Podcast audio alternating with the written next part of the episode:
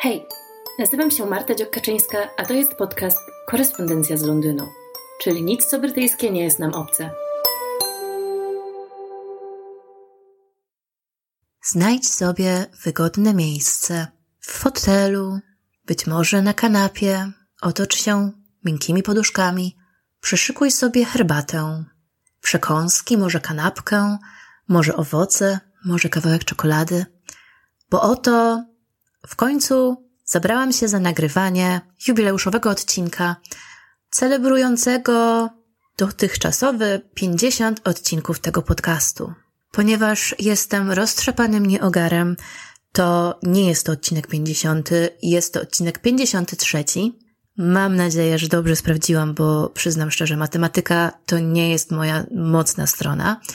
Ale w końcu wykonałam robotę, zebrałam 50 faktów o Wielkiej Brytanii, które uważam za zabawne, mm, ciekawe lub wnoszące cokolwiek do waszego i mojego życia.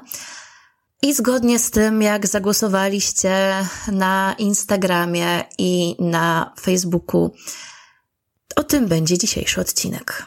Nauczę się na przyszłość, żeby nie zadawać takich pytań, bo potem człowiek siedzi w internecie i wyszukuje ciekawostek i zajmuje mu to trzy dni z życia. Ale sama jestem sobie winna, trzeba było się wziąć w garść i wymyślić lepszy temat. Przy okazji chciałabym niezwykle podziękować Kasi, która zajmuje się montażem moich podcastów, która pomogła mi w ogóle wszystko założyć, pomogła mi z premierą, launchem, ze wszystkim. Bez niej być może w ogóle by mnie tutaj nie było, bo do dzisiaj szukałabym wymówek, dlaczego nie mogę zabrać się za montowanie podcastu, ponieważ e, mam Kasię, nie mam żadnej wymówki nie jest y, słyszalna na co dzień w podcaście, ale stoi za nim dzielnie i jest y, odpowiedzialna za to, że jestem tutaj przez 50 odcinków. Także dzięki bardzo. A fakty są nieco bez ładu i składu i są przemieszane i są lekko roztrzepane i nieogarnięte jak ja.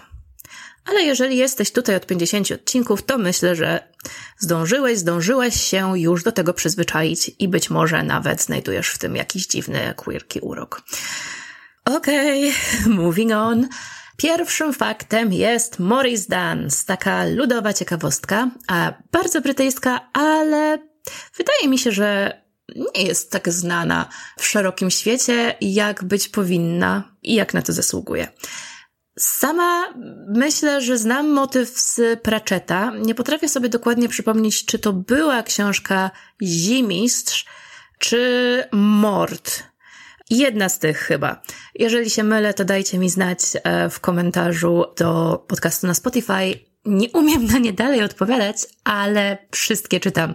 Przyrzekam, dostaję na maila powiadomienia o nich, więc e, każde z nich czytam. Morris Dance to jest właśnie taki ludowy taniec, który sięga swoimi korzeniami no daleko wstecz, wiele wieków wstecz. Pierwsze wzmianki o nim pisane pojawiają się w XV wieku, kiedy to y, jest zapis y, zapłaty tancerzom przez Goldsmith Company w Londynie. 1448 rok. Wiecie, to nie jest y, moment, kiedy ten taniec powstał, on już musiał istnieć wcześniej. Tancerze um, Morris Dance um, są ubrani w szaty będące połączeniem tych e, sekciarskich postaci z Midsommar e, z góralami, z pasterzami, z... No jest to ciekawe jest w tym ludowość, ale jest w tym też trochę takiego pajacowania jakby. I mają na nogach dzwoneczki, mają kapelusze na głowach, ukwiecone, czy też czasami w zależności od stylu przyzdobione wstążkami e, czy piórkami. I mają też różne pałki, wstążki inne rekwizyty, którymi sobie się trykają, stukają i polecam naprawdę znaleźć link do filmiku z tańcem Morris, e, ponieważ jest to naprawdę, naprawdę niezapomniane wrażenie. Dodam jeszcze, że genealogia tego tańca związana jest e, z Maurami. Jest tutaj zatem potencjalnie taki rys rasizmu, ale on jest też taki dość y, no, badacze nie mają um, na ten temat jednoznacznej opinii. Wydaje się, że czerniono sobie twarze, no i sama e, nazwa Morris pochodzi od właśnie Maurów. Nazwisko Morris, które jest popularne w Wielkiej Brytanii, e, też właśnie pochodzi od, przeszło z Normanami, chodziło po prostu właśnie o um, mieszkańców Mauretanii i tak dalej. Chociaż przez lata i w styku z tą ludowością niższych klas, ten aspekt jakby jest y, dzisiaj mocno wyblakły. E, więc y, ciężko do końca porównywać to z blackface'em, który rzeczywiście był ośmieszający i bazujący na rasowych stereotypach. E, natomiast y, no, dzisiaj Morris Dance Myślę, że gdyby zapytać przeciętnego Brytyjczyka, skąd się to wzięło, to pewnie by nawet nie wiedział. Dobra. Tyle na temat pierwszej ciekawostki. Szybko udajemy się dalej do Gretna Green. Jeżeli um, jesteś, droga słuchaczko, drogi słuchaczu, fanką powieści historycznej, e, zwłaszcza Jane Austen, ale też romansów kostiumowych jak Poldark czy Bridgertonowie, to z pewnością kojarzysz nazwę Gretna Green. Dla tych, którzy nie kojarzą, e, był to taki 18, od XVIII wieku odpowiednik e, Las Vegas, ale nie w sensie tego, że były tam kasyna i hazard. Nie, nie, chodziło tutaj o zawieranie szybkich małżeństw, ponieważ właśnie w XVIII wieku, a dokładnie w 1754 roku, e, wprowadzono Marriage Act w Anglii, który zabraniał małżeństwa między osobami poniżej 21 roku życia, jeżeli nie miały zgody rodziców na ślub. Ale to prawo nie dotyczyło Szkocji. A Gretna Green była pierwszą wioską, która znajdowała się przy granicy z Anglią e, na szlaku, którym poruszał się dostępny transport w cudzysłowie powiem publiczny, no generalnie wiecie, były też e, w których można było przemieszczać się uiściwszy pewną opłatę. E, więc nie trzeba było być e, niezwykle bogatą osobą, żeby przemieścić się z jednego miejsca w kraju do drugiego lub przekroczyć granicę między Anglią, Szkocją i tak dalej. Więc pierwsza wioska na trasie można było uciec ze swoją ukochaną, ukochanym, udać się do Szkocji i tam już, zdaje się, od 16 roku życia można było zawrzeć małżeństwo. A nie, nawet nie, od 14, a dziewczęta od 12. Miejsce szybko stało się sławne um, lub też niesławne um, i udzielano tam ślubów hurtowo. Jeden z rekordzistów udzielił ponad 5100 ślubów. Była to taka lokalna mm, atrakcja, na cały kraj znana. Cały czas mówię kraj, ale na całe królestwo. O, na całe królestwo to będzie lepsze określenie. Niestety, um, obecnie nie da się już tego zrobić, ponieważ e, prawo zostało zmienione. Żeby wziąć teraz ślub w Gretnie Green, to trzeba dać 29 dni uprzedzenia, żeby wszelkie dokumenty tam się dostały. I chociaż dalej miejsca, w których kiedyś uciekały zakochane pary, są dostępne no, jako lokale weselne, ślubne i tak dalej, to nie ma już tej swobody. A jedną z najbardziej znanych postaci literackich, która tam trafiła, lub też miała tam trafić, była Lydia Bennett, e, siostra Elizabeth Bennett w Dumie Uprzedzeniu, e, kiedy została zwiedziona na manowce przez George'a Wickhama. Ale w Downton Abbey pojawia się ten motyw w Poldarku, w Bridgertonach i jestem przekonana, że natkniecie się na niego w mnóstwie różnych miejsc lub też utworów. Skoro już jesteśmy przy Jane Austen, szybki fakcik numer 3 w jej twórczości morze i miejscowości nadmorskie i porty zawsze związane są z seksualnością i pożądaniem. Jeżeli prześledzicie treści jej utworów, to wszystkie takie porywy, nieprzemyślane decyzje, złe w skutkach decyzje rozgrywają się w miejscowościach nadmorskich. Kiedy szaleją uczucia w perswazjach między dawnymi kochankami i gotuje się po prostu e, w środku w nich, ale nie są w stanie sobie niczego powiedzieć szczerze, to dzieje się to w miejscowości nadmorskiej. Emma jedzie, zdaje się, na sw swoją podróż e, poślubną do miejscowości nadmorskiej, bo nigdy nie widziała wcześniej morza, bo jest taka niewinna. Lydia też spotyka się ponownie z Wickhamem w Brighton, gdzie podróżuje z rodziną pułkownika Forstera. Gdzie nie prześledzić, gdzie dzieje się tam coś e, nieobyczajnego, jest to zawsze nad morzem. A teraz wracamy do Londynu. Podobno w Londynie nigdy nie przebywasz dalej niż dwa metry od szczura. W sumie to jest ciekawe, e, w żadnym innym mieście na świecie ani w Wielkiej Brytanii nie miałam w mieszkaniach myszy, a w tym mieszkaniu miałam ich już 14, może nawet 15. To była ciekawostka numer 4. jako ciekawostkę numer 5 zostawię dla Was link do gry w rozpoznawanie stacji metra, a właściwie nawet nie w rozpoznawanie, tylko w wypisywanie z pamięci um, stacji metra, które się zna. I to bardzo y, pokazuje horyzonty, bo ja byłam w stanie wymienić większość stacji na liniach, których używam um, lub używałam w życiu, na odcinkach, na których żyłam i pracowałam. Ale są białe plamy, które równie dobrze mogły być, nie wiem, mapą Brazylii czy Australii czy Gwinei Bissau ja bym nigdy nie była w stanie stwierdzić, jakie stacje metra są na końcowych odcinkach tych linii. Sama doszłam do jakichś 40 kilku procent przez dobrych kilka dni. Jestem ciekawa, jak wam pójdzie. Dobrze. Ciekawostka numer 6. W okręgu wyborczym Jeremy'ego Corbina, czyli w Islington North, znajduje się Corbin Street. Nawet całkiem niedaleko mnie. Ale nie jest to ulica nazwana na jego cześć. To jest zupełny przypadek, zbieg okoliczności bardzo ciekawy, ponieważ ta ulica została nazwana y, na cześć córki kogoś, kto był właścicielem ziemskim kilka wieków temu y, w tej okolicy. I ona się nazywała Corbin. Zbieg okoliczności. Fakt numer 7. Lotnisko Glasgow Prestwick to jedyne miejsce, gdzie na pewno w Wielkiej Brytanii przebywał Elvis Presley. Podczas międzylądowania w 1960 roku w drodze powrotnej do USA z Berlina.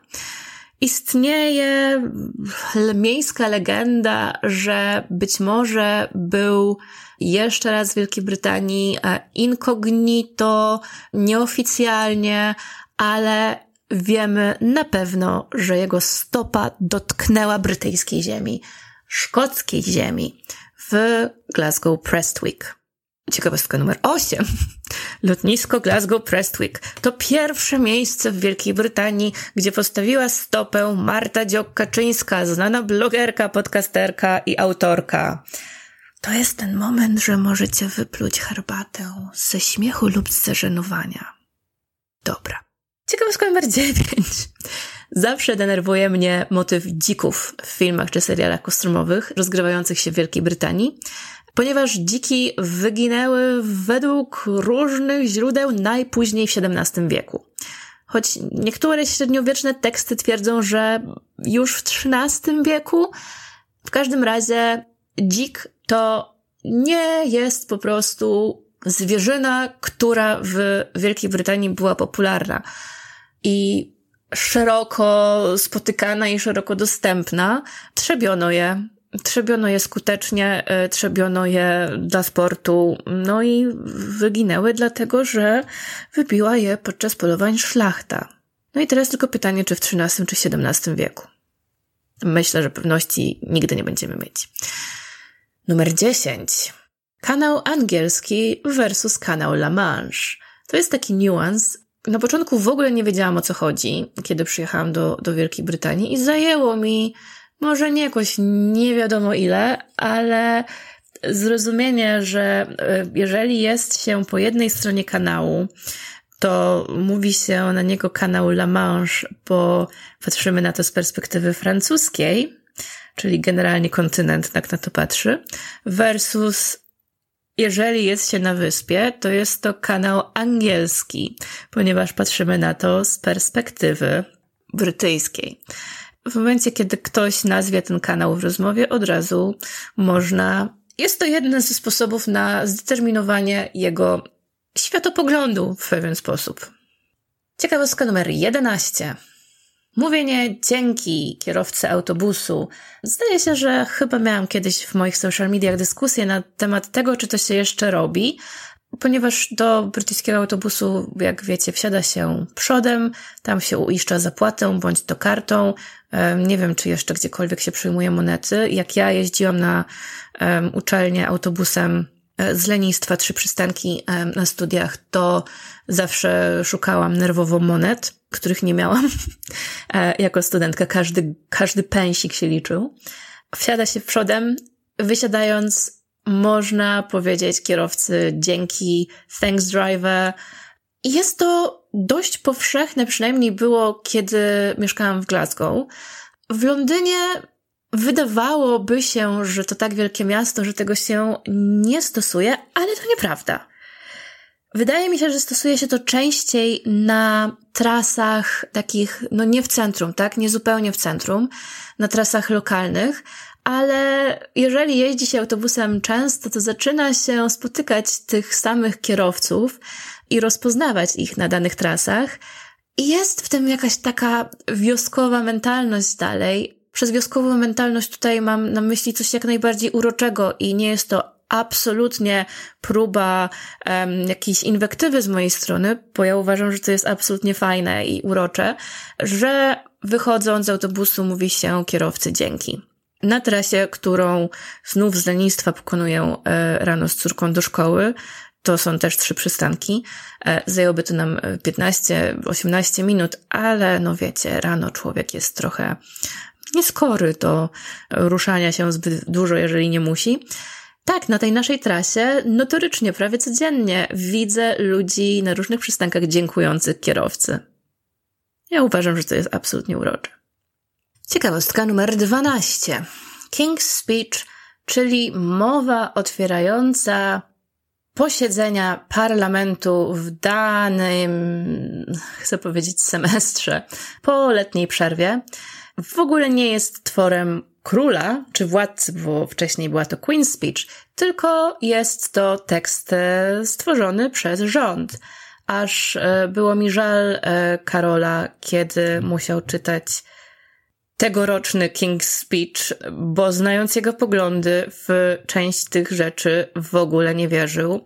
I była to dość szeroko przez kilka dni memowana sprawa Dlaczego ktokolwiek oczekuje, że my będziemy słuchać King's Speech e, napisanej dla niego przez rząd, skoro nawet on wydaje się nią znudzony? I to jest ten moment, kiedy, no naprawdę żal, żal króla. 13. Posłowie nie mogą się do siebie zwracać w parlamencie bezpośrednio. Nie mogą nawet używać swoich imion i nazwisk. Każde zwrócenie się musi być zwróceniem się do speakera, czyli osoby, która moderuje w pewnym e, sensie e, parlament. Jest to odpowiednik naszego marszałka. Używać można tylko zwrotów jak my right honorable friend, the member of parliament for, na przykład tutaj wrzucamy okręg wyborczy. Nie można powiedzieć na przykład e, Rishi Sunak jest głupi, Rishi Sunak kłamie, Rishi Sunak nie ma racji. Można powiedzieć, Mr. Speaker, the Prime Minister is wrong on the matter of coś tam, coś tam, coś tam. Jest to po prostu tradycja i tak zwany code of conduct, czyli etykieta zachowania w parlamencie i jeżeli się jej nie przestrzega, można zostać ukaranym.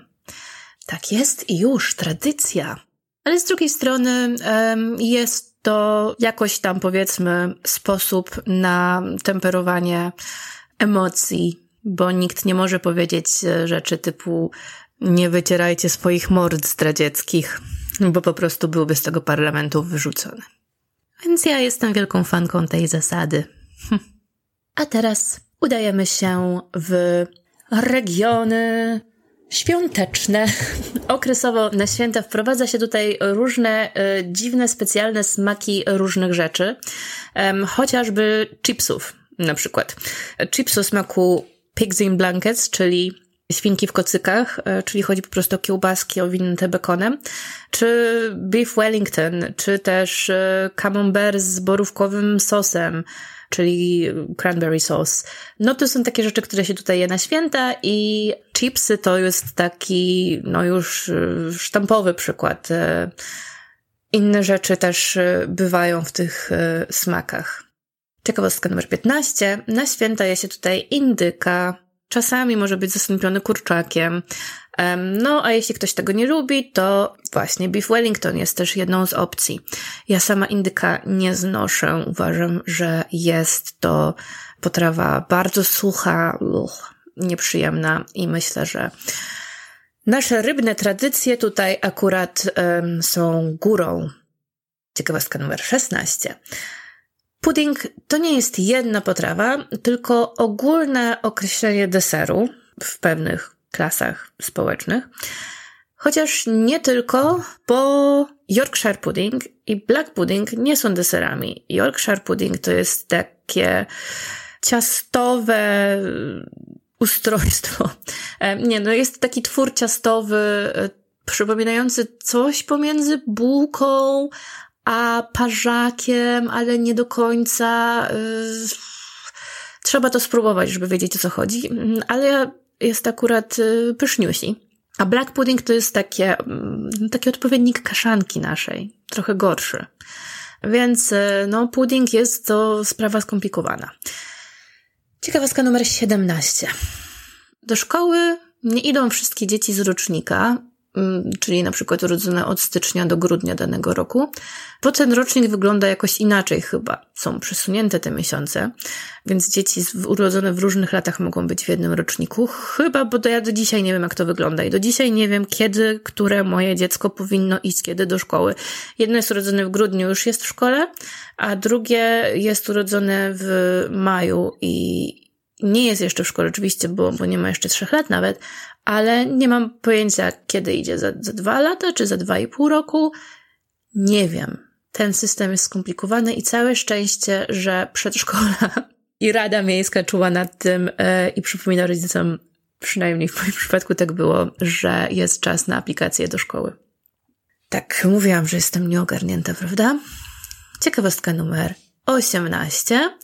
Pozostając przy szkołach, popularne są przy szkołach kurniki.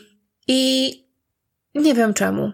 To znaczy, no wiem czemu, bo jest to uważane, że to uczy dzieci odpowiedzialności, bo to są kury opiekowane, zaopiekowane przez szkoły z udziałem dzieci. Dzieci też przez ferie mogą się nimi zajmować e, i tak dalej. I jest to taki wgląd w prawdziwe życie i zajmowanie się kimś zależnym od ciebie.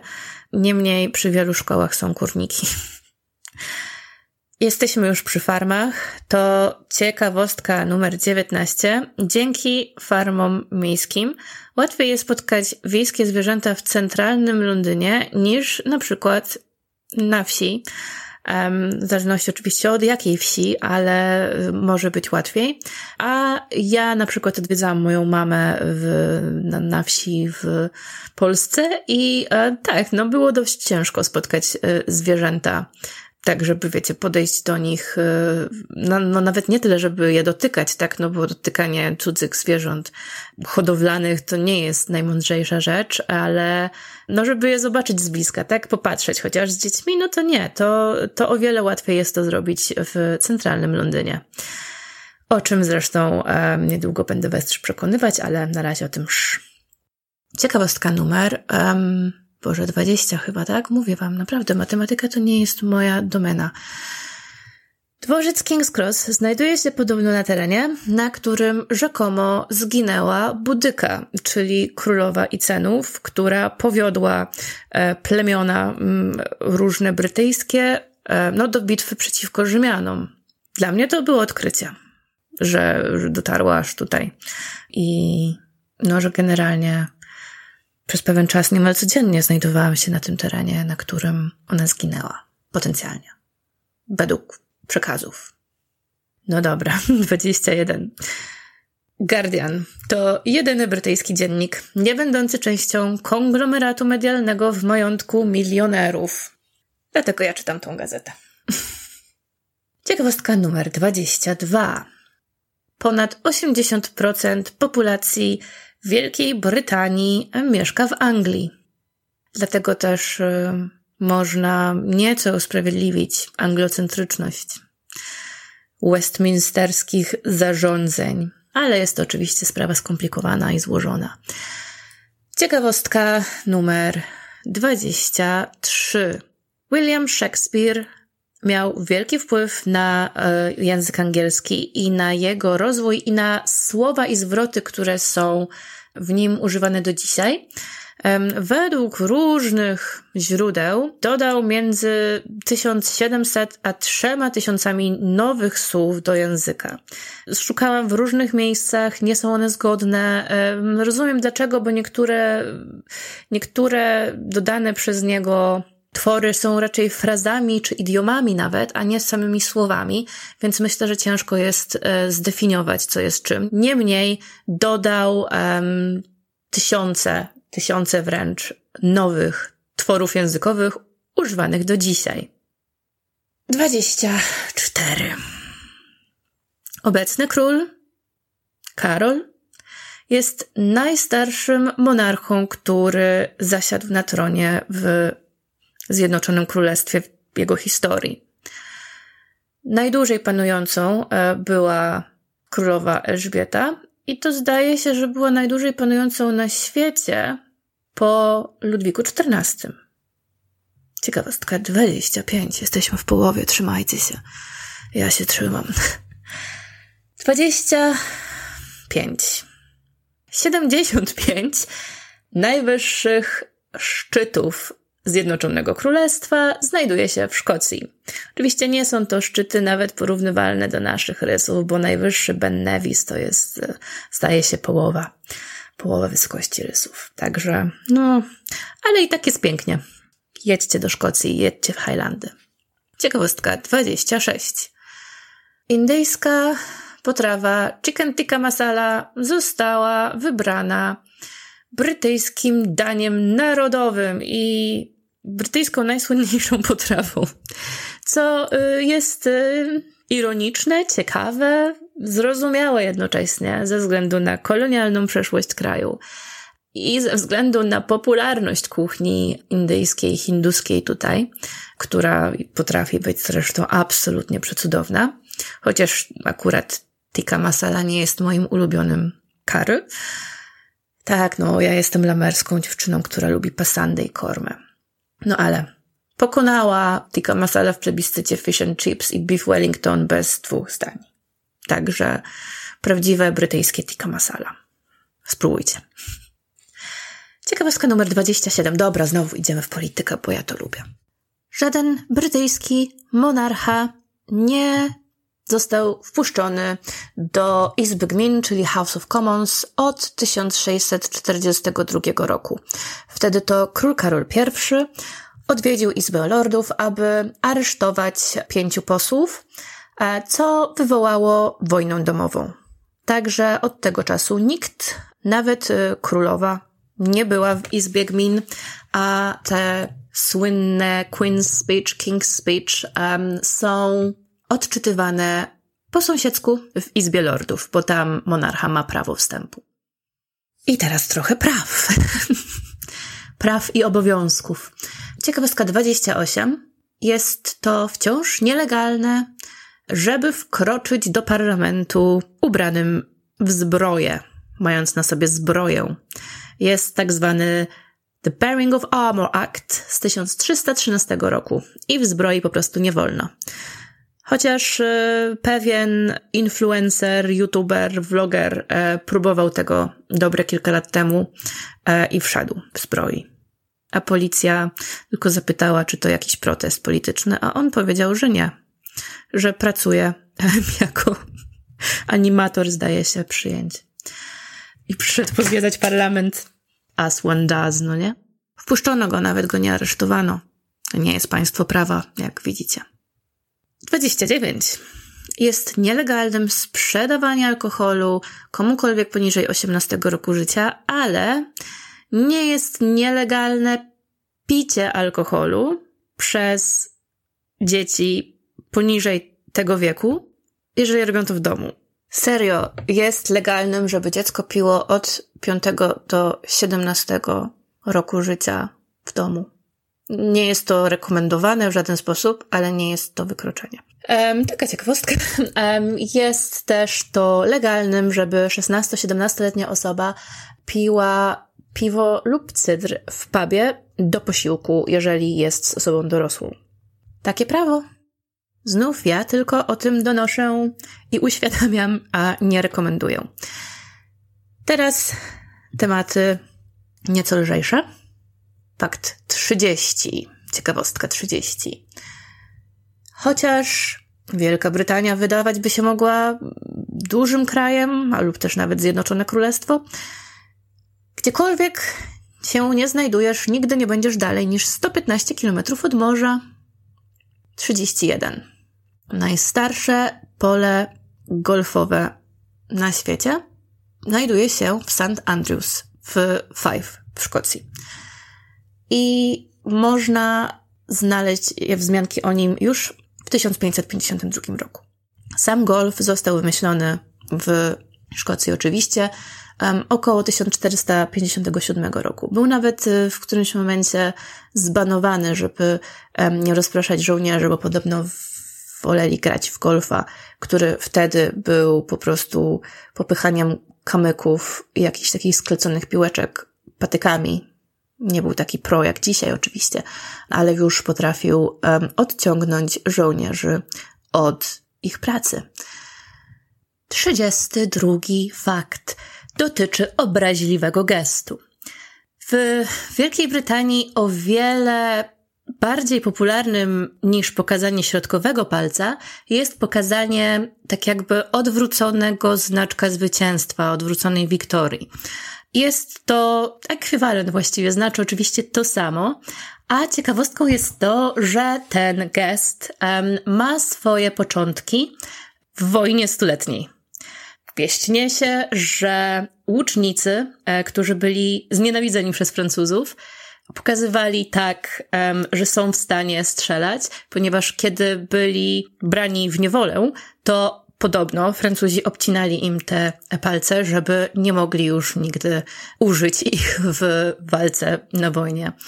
Ten gest miał pokazać hej, hej, wciąż możemy wam dokopać z łuków. No rzeczywiście, swego czasu e, trenowałam sobie hobbystycznie ucznictwo i są to rzeczywiście te palce, które są niezbędne. Czy jest to prawda? Dlaczego nie? 33 fakt. Podobno Brytyjczycy piją powyżej 60 miliardów filiżanek herbaty rocznie, ponad 100 milionów dziennie. Stał się to napój będący synonimem brytyjskiej kultury w XVIII wieku, ale dopiero w połowie wieku zaczął być bardziej popularnym napitkiem niż gin. Wydaje mi się, że jednak gin w pewien sposób lepiej um, oddaje klimat brytyjskości, ale zarówno myślę herbata, jak i e, gin są w pewien sposób um, tak zwanym acquired taste. Trzeba się przyzwyczaić, żeby je lubić. To znaczy, ja tutaj bynajmniej nie hejtuję herbaty. Kocham herbatę i piję jej sporo i mam dwie szafki zawalone herbatami. Natomiast, no, są łatwiejsze rzeczy do picia, prawda? 34. Monarcha brytyjski ma także tytuł Senior of the Swans. Tak, to jest dokładnie to, co Wam może przyjść e, do głowy. Oficjalnie rządzący monarcha jest właścicielem wszystkich nieoznaczonych inaczej własnościowo łabędzi na otwartych wodach Anglii i Walii. Być może jeżeli ktoś y, jest hodowcą łabędzi, nie wiem czy istnieje hodowla łabędzi, ale jeżeli ktoś, nie wiem, kupił sobie łabędzia i posadził go na swojej sadzawce i ma obrączkę, że to jest jego łabędź, to wtedy król czy monarcha, monarchini nie jest jego właścicielem. Ale jeśli tak nie jest, to wszystkie łabędzie należą do monarchy. Była taka legenda miejska, że Polacy podobno zabijali mm, łabędzie mm, na stawach czy w parkach, żeby je zjeść. Nie wiem, czy to jest prawda, ale taka była miejska legenda. No i co roku na Tamizie, podobno w lipcu, dokonywany jest cenzus łabędzi, tak zwane swan upping i od 1980 nie wolno zabijać łabędzi. Jeżeli cię złapią, to będzie e, postępowanie wszczęte przeciwko mordercy łabędzi. 35. Zamek Windsor jest e, najstarszym e, zamkiem królewskim, który wciąż jest używany przez rodzinę królewską. Jego początki sięgają XI wieku. William The Conqueror, was William Zdobywca po polsku się mówi, zaczął jego konstrukcję jeszcze, to znaczy zlecił, tak, bo nie wyobrażam sobie, żeby on tam chodził i, i konstruował cokolwiek. Do dzisiaj rodzina królewska tam przebywa, używała tego zamku i to się nazywa slow architecture, co? No ale um, cost per use na pewno e, zwrócił się tego zamku wielokrotnie. 36. Podobno Pałac Buckingham został wybudowany w miejscu, gdzie wcześniej um, był złej sławy dom publiczny i nie chodzi mi wcale o pub. I podobno był to jeszcze gejowski dom publiczny. Znów, może to miejska legenda? Ale czemu nie uwierzyć w to, skoro jest to śmieszne? 37. Walia ma najwięcej zamków na milę kwadratową, czyli zakładam, że na kilometr kwadratowy pewnie też, w Europie. Do najpopularniejszych należą Kernevon, Raglan i Conwy. Miałam okazję być w Kernevon, jest super. Miałam okazję być w Conwy, też jest fajny, zupełnie inny charakter. Kernevon jest taką, no niemalże twierdzą. Conwy to taki bardziej kameralny zamek, mogłabym powiedzieć, tak. Polecam Walię w ogóle, bo Walia jest cudowna. Będzie na pewno e, w jednym z odcinków alfabetu Wielkiej Brytanii. A zamki są w Walii dlatego, żeby utrzymywać tam porządek. No zamek generalnie jest od tego, żeby dominować nad otoczeniem. A e, żeby zdominować Walię, potrzeba było dużo, dużo militarnego wysiłku. No i stąd te zamki do dziś jest jak jest. 38. W 1647 Gwiazdka i Boże Narodzenie były zabronione przez brytyjski parlament. Podobno wywoływały w społeczeństwie złe zachowania. Ale 13 lat później zniesiono ten zakaz. 39. Najstarsze metro świata to oczywiście metro londyńskie. Powstało to znaczy, zostało otwarte, pierwszy jego fragment, do użytku publicznego 10 stycznia 1863 roku. Było to oczywiście za panowania królowej Wiktorii. 40. Najkrótsza wojna świata, w historii świata, miała miejsce między Zjednoczonym Królestwem a sułtanatem Zanzibaru, w sierpniu 1896 roku i trwała niecałe 40 minut. Zdaje się, że y, było to dokładniej 38 minut i został ranny jeden brytyjski marynarz, a druga strona miała 500 rannych. Chyba da się zrozumieć, czemu um, Zanzibaru wolał wybrnąć z tej wojny po 38 minutach. 41. Teraz e, coś milszego. Igrzyska Olimpijskie w Londynie w 2012 roku były pierwszym razem w historii Igrzysk Olimpijskich, kiedy każde państwo biorące udział miało przynajmniej jedną olimpijkę, atletkę, kobietę.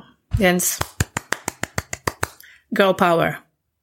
42. A to mnie strasznie zaciekawiło mm, i trochę jestem taka no, zainteresowana na tyle, że chciałabym wypróbować. Wielka Brytania ma najkrótszy lot świata, pasażerski lot, y, który jest planowy i dostępny dla każdego, nie jest prywatnym czarterem, nie jest prywatnym wynajęciem. Wiecie o co chodzi, nie? Jest to najkrótszy pasażerski lot liniowy z malutkiej wyspy Westray na jeszcze mniejszą wyspę Papa Westray. To oczywiście Szkocja. I jest to na archipelagu Orkney Islands, czyli Orkadach. Lot trwa 2 minuty 40 sekund, ale da się go pokonać przy dobrych wiatrach w 53 sekundy i Podobno rekord wynosił 47 sekund. Ja jestem bardzo podekscytowana, bo ja bardzo nie lubię latać. Mój najdłuższy lot w życiu to były 4 godziny z Wielkiej Brytanii na Cypr i no, nie odważyłam się jeszcze nigdy lecieć dalej.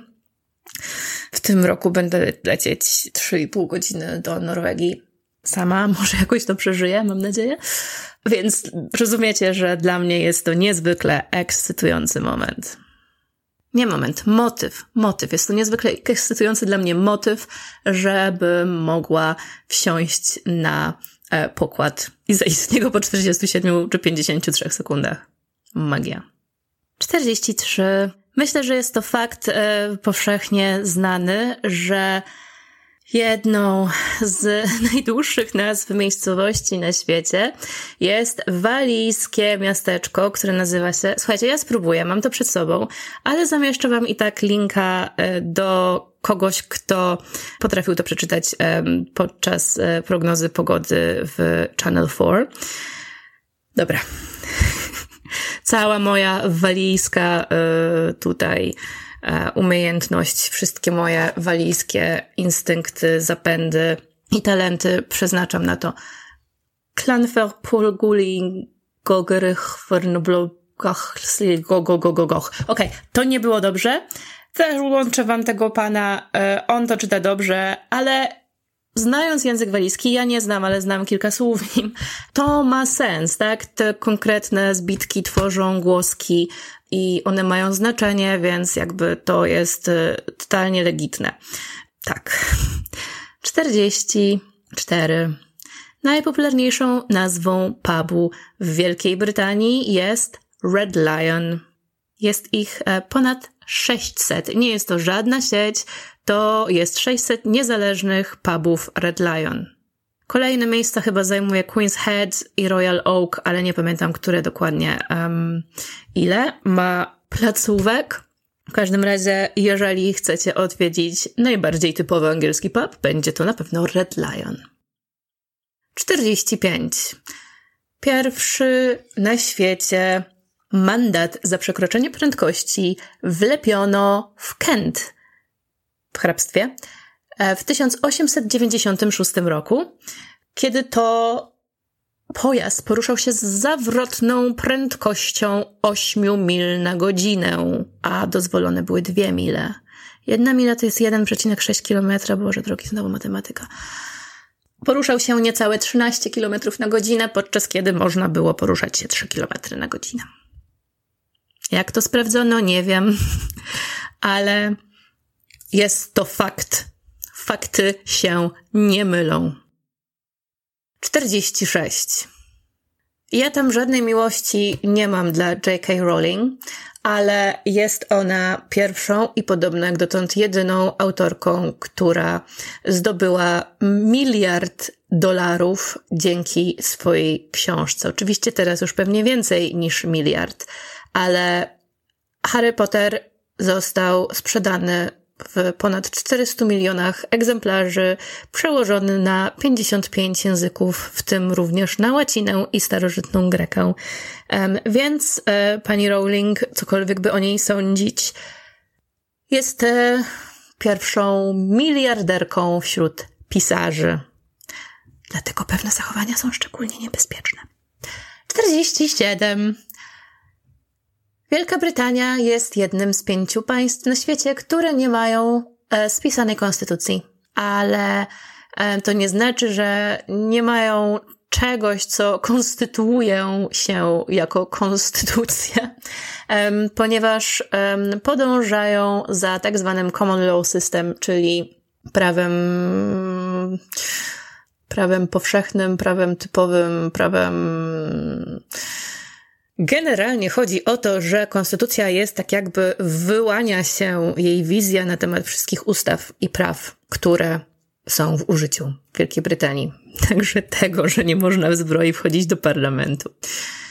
Okej, okay, 48. Wytrzymajcie już tylko chwilę. W 1066 francuski został oficjalnie brytyjskim, angielskim, zjedno... Królew... Ja, nie. Został oficjalnie na tych terenach językiem oficjalnym, ponieważ no, William the Conqueror, czyli Wilhelm Zdobywca, był Normanem, czyli pochodził z Francji i jego dwór mówił po francusku normańsku, no dobra, wiecie o co chodzi, tak? W tamtej formie francuskiego. E, pozostał to oficjalny język do 1362, kiedy został zastąpiony przez angielski. Jeżeli jesteśmy przy językach już, to dojęzykujmy do końca. Może co to za słowo dojęzykujmy? 49.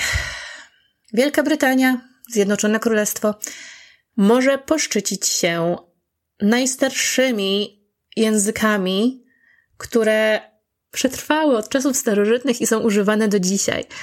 Co prawda one się nieco zmieniają, no ale jednak szkocki gelik, irlandzki gelik, kornicki, kornijski, walijski i manx to są języki, które powstały w zeszłym milenium i to tak, wiecie, w pierwszej połowie tego milenium to są języki, no, sięgające starożytnych czasów, a używane są do dziś.